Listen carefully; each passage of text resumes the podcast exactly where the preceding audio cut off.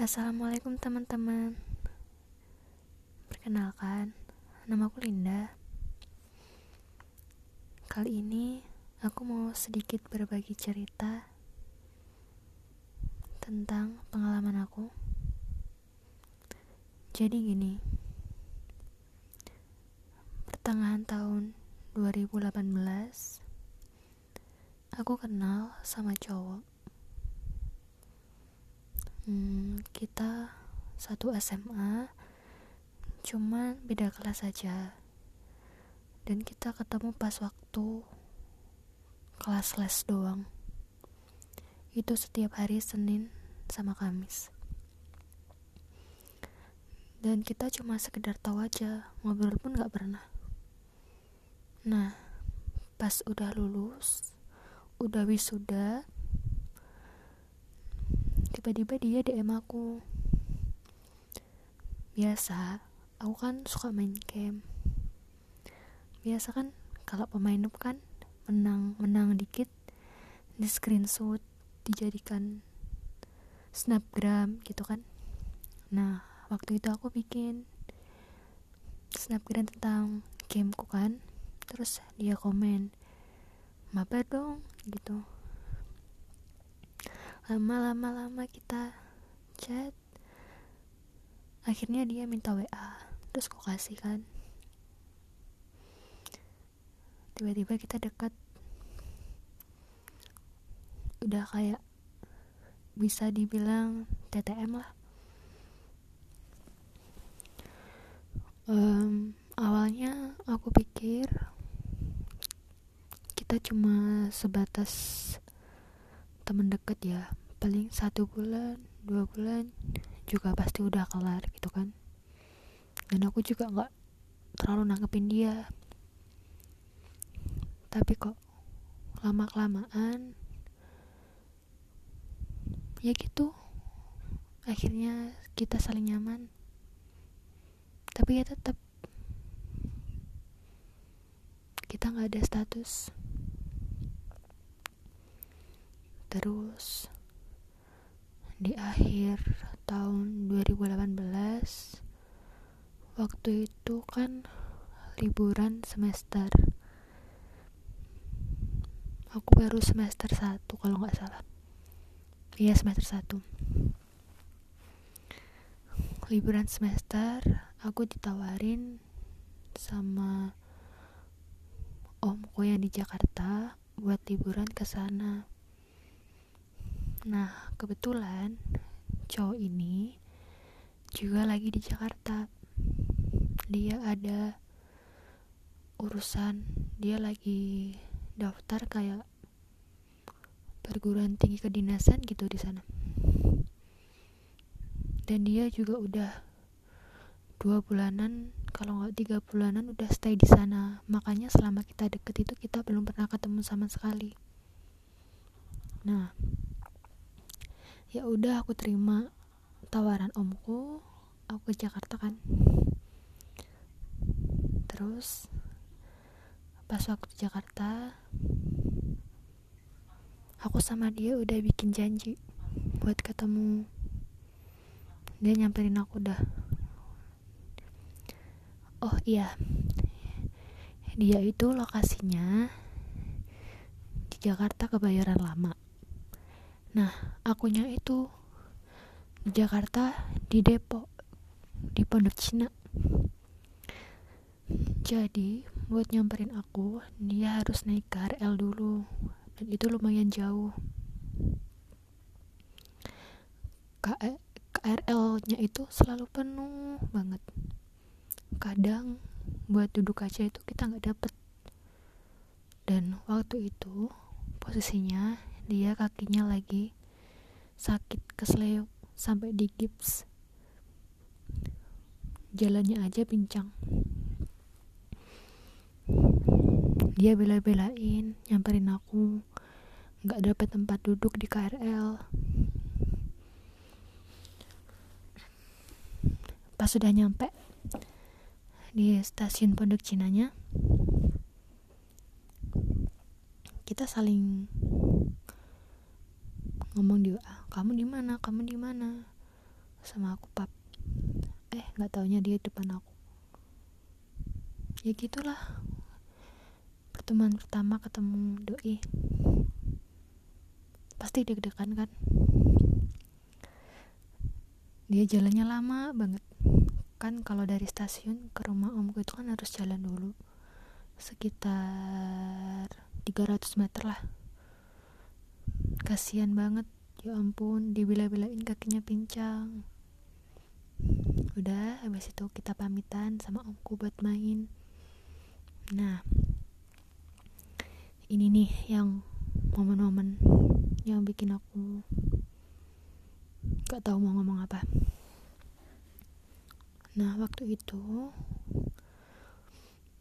kita pergi ke salah satu taman yang ada di Kebayoran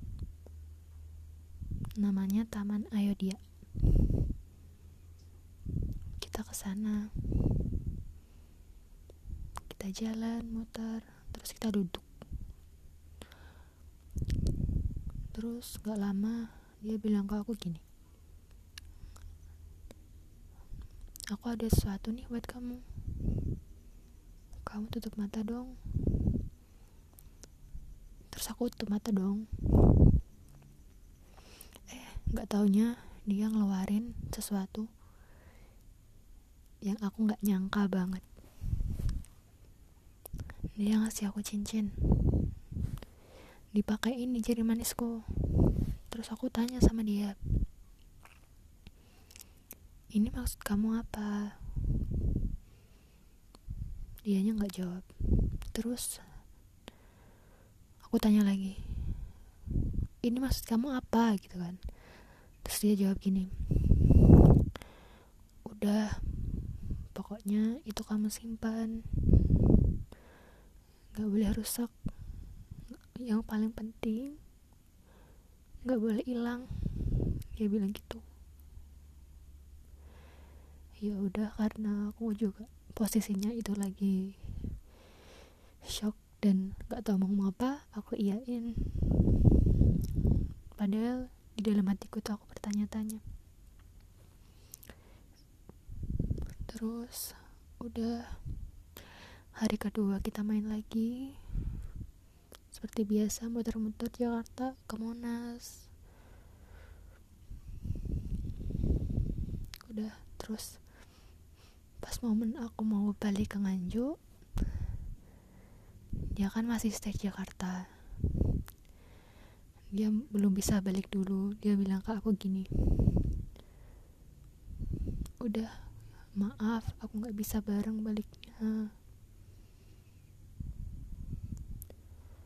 Jadi aku nggak bisa bareng baliknya. Padahal sebenarnya aku ingin pengen pulang bareng gitu kan. Dia bilang gitu.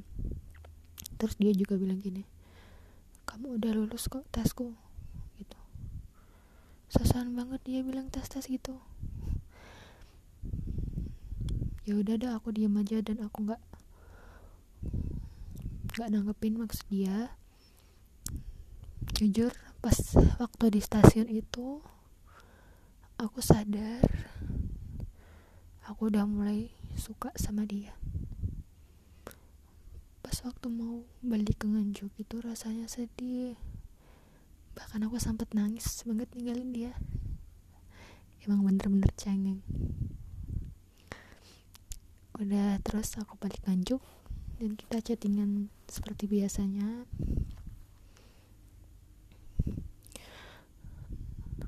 Terus pas awal ketemu pertama di Nganjuk dia langsung nyamperin aku ke rumah.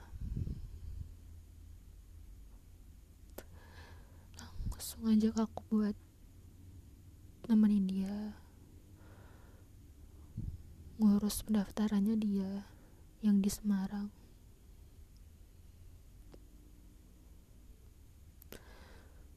Sejak saat itu aku benar-benar yakin bahwa aku benar-benar jatuh cinta sama dia. Sosoknya benar-benar luar biasa. Bahkan dia sangat bisa bikin aku kagum dengan setia berlakunya dia. Apa pun yang dia lakukan itu selalu di luar ekspektasi saya. Saya benar-benar beruntung sekali bisa mengenal dia saat itu hari-hari saya terasa begitu berwarna. Setiap hari selalu ada aja yang bikin senang bahkan pas kita sama-sama di Nganjuk bisa satu hari dua kali dia nyamperin saya. Dan setiap ketemu itu pasti ada aja kejutan yang dia lakuin pernah suatu hari pas kita keluar seperti biasanya tiba-tiba dia ngasih aku gulungan kertas. Kata dia jangan dibuka di sini dibuka di rumah aja gitu. Terus terus pas aku buka ternyata isinya gambar dia gambar dia pakai seragam. Seragam yang selalu dia impikan. Seragam taruna pelayaran. Terus dia cat aku kamu pasang ya di kamar kosmu buat pajangan gitu. Bener-bener aku lakuin. Aku pasang di kamarku. Aku tempel di kamar kosku oh iya pas soal ketemu juga dia ngasih aku jilbab. Motifnya jangkar. Dia bener-bener suka sama yang namanya pelaut. Dulu dia sering banget cerita kalau tentang impiannya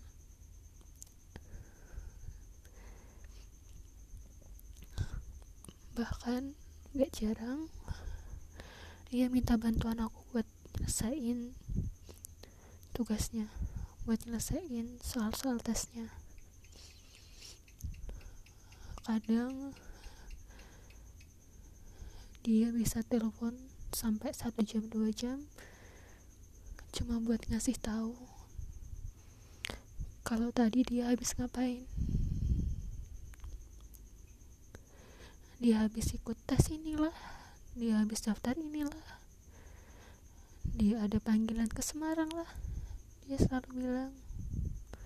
Dan dia selalu bilang nanti aku cerita di telepon.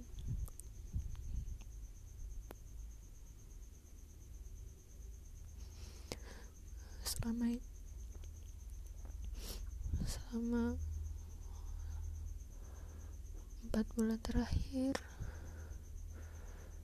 semuanya lancar sampai bulan April.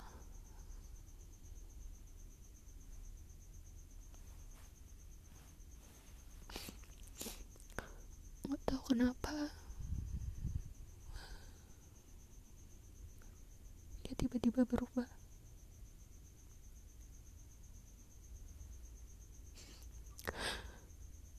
orang yang dulu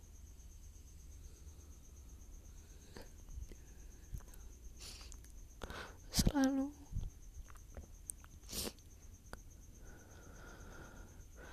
melibatkan saya atas semua perjalanannya. Yang apa-apa selalu cerita saya ngeluh ke saya. Jadi berubah 180 derajat. Dulu dia bilang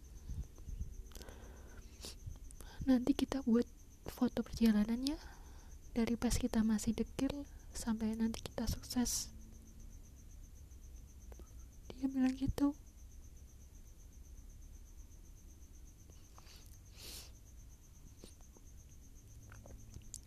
Terus dia juga sering tag-tag aku di Instagram. Banyak banget.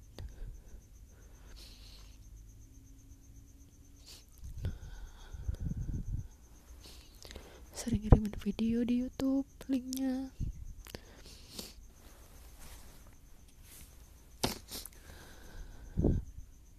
tapi dia berubah setelah dia diterima.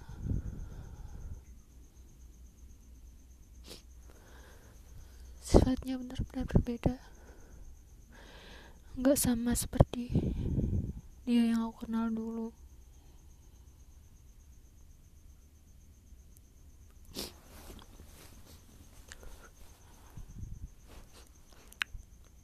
dan bener ternyata emang dia lagi deket sama cewek lain.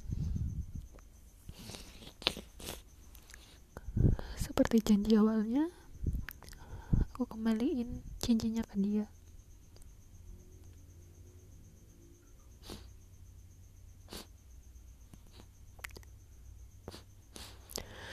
Dan sekarang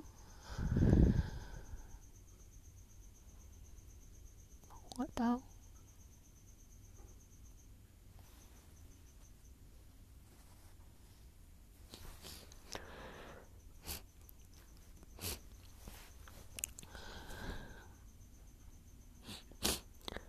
Apa memang cuma aku doang? Yang masih sayang sama dia. Kenapa dia kayak gitu ke aku? Bahkan untuk membalas pesan saya pun dia tidak pernah lakukan.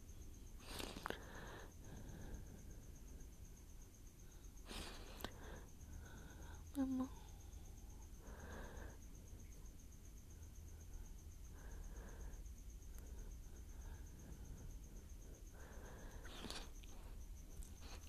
Hmm, saya cuma, cuma bisa berharap semoga dia ketemu sama apa yang dia cari dan dia tidak sombong atas semua pencapaiannya.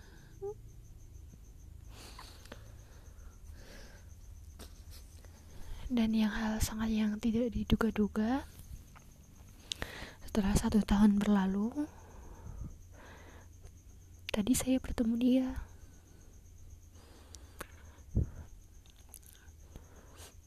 Rasanya sangat tidak mungkin dan kok bisa? gitu. Saya tatap matanya. Batin saya hah? Kayak kenal. Dan ternyata memang dia. Bahkan untuk menyapanya rasanya berat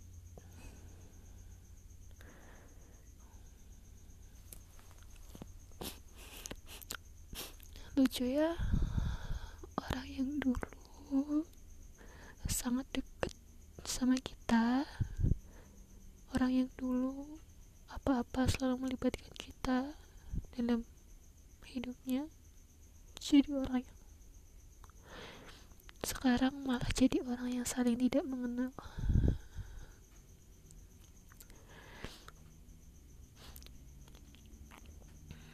padahal mau saya seburuk apa pun perpisahan saya tetap ingin berteman baik dengan orang itu agar saya tidak benar-benar kehilangannya. Tapi apa boleh buat? Orang tersebut bahkan tidak menganggap saya sama sekali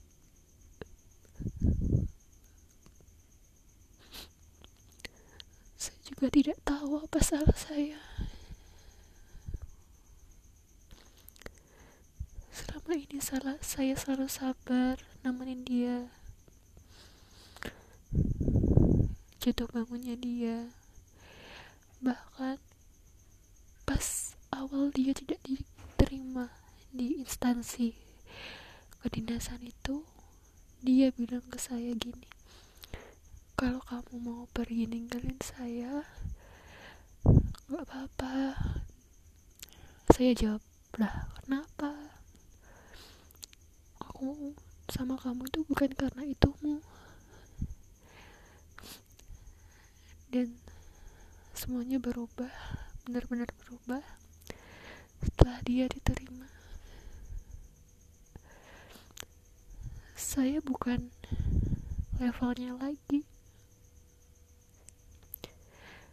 dia dia dia pikir saya ini tidak pantas buat dia. Dia selalu bilang saya ini masih kurang. Dia mau saya buktikan dulu. Kata-kata yang benar-benar buat saya sakit hati. Karena kata-kata itu tidak pernah saya dengar dari dia yang setahun yang lalu. Dia benar-benar berbeda. Bahkan untuk mengenalnya saja saya sudah tidak bisa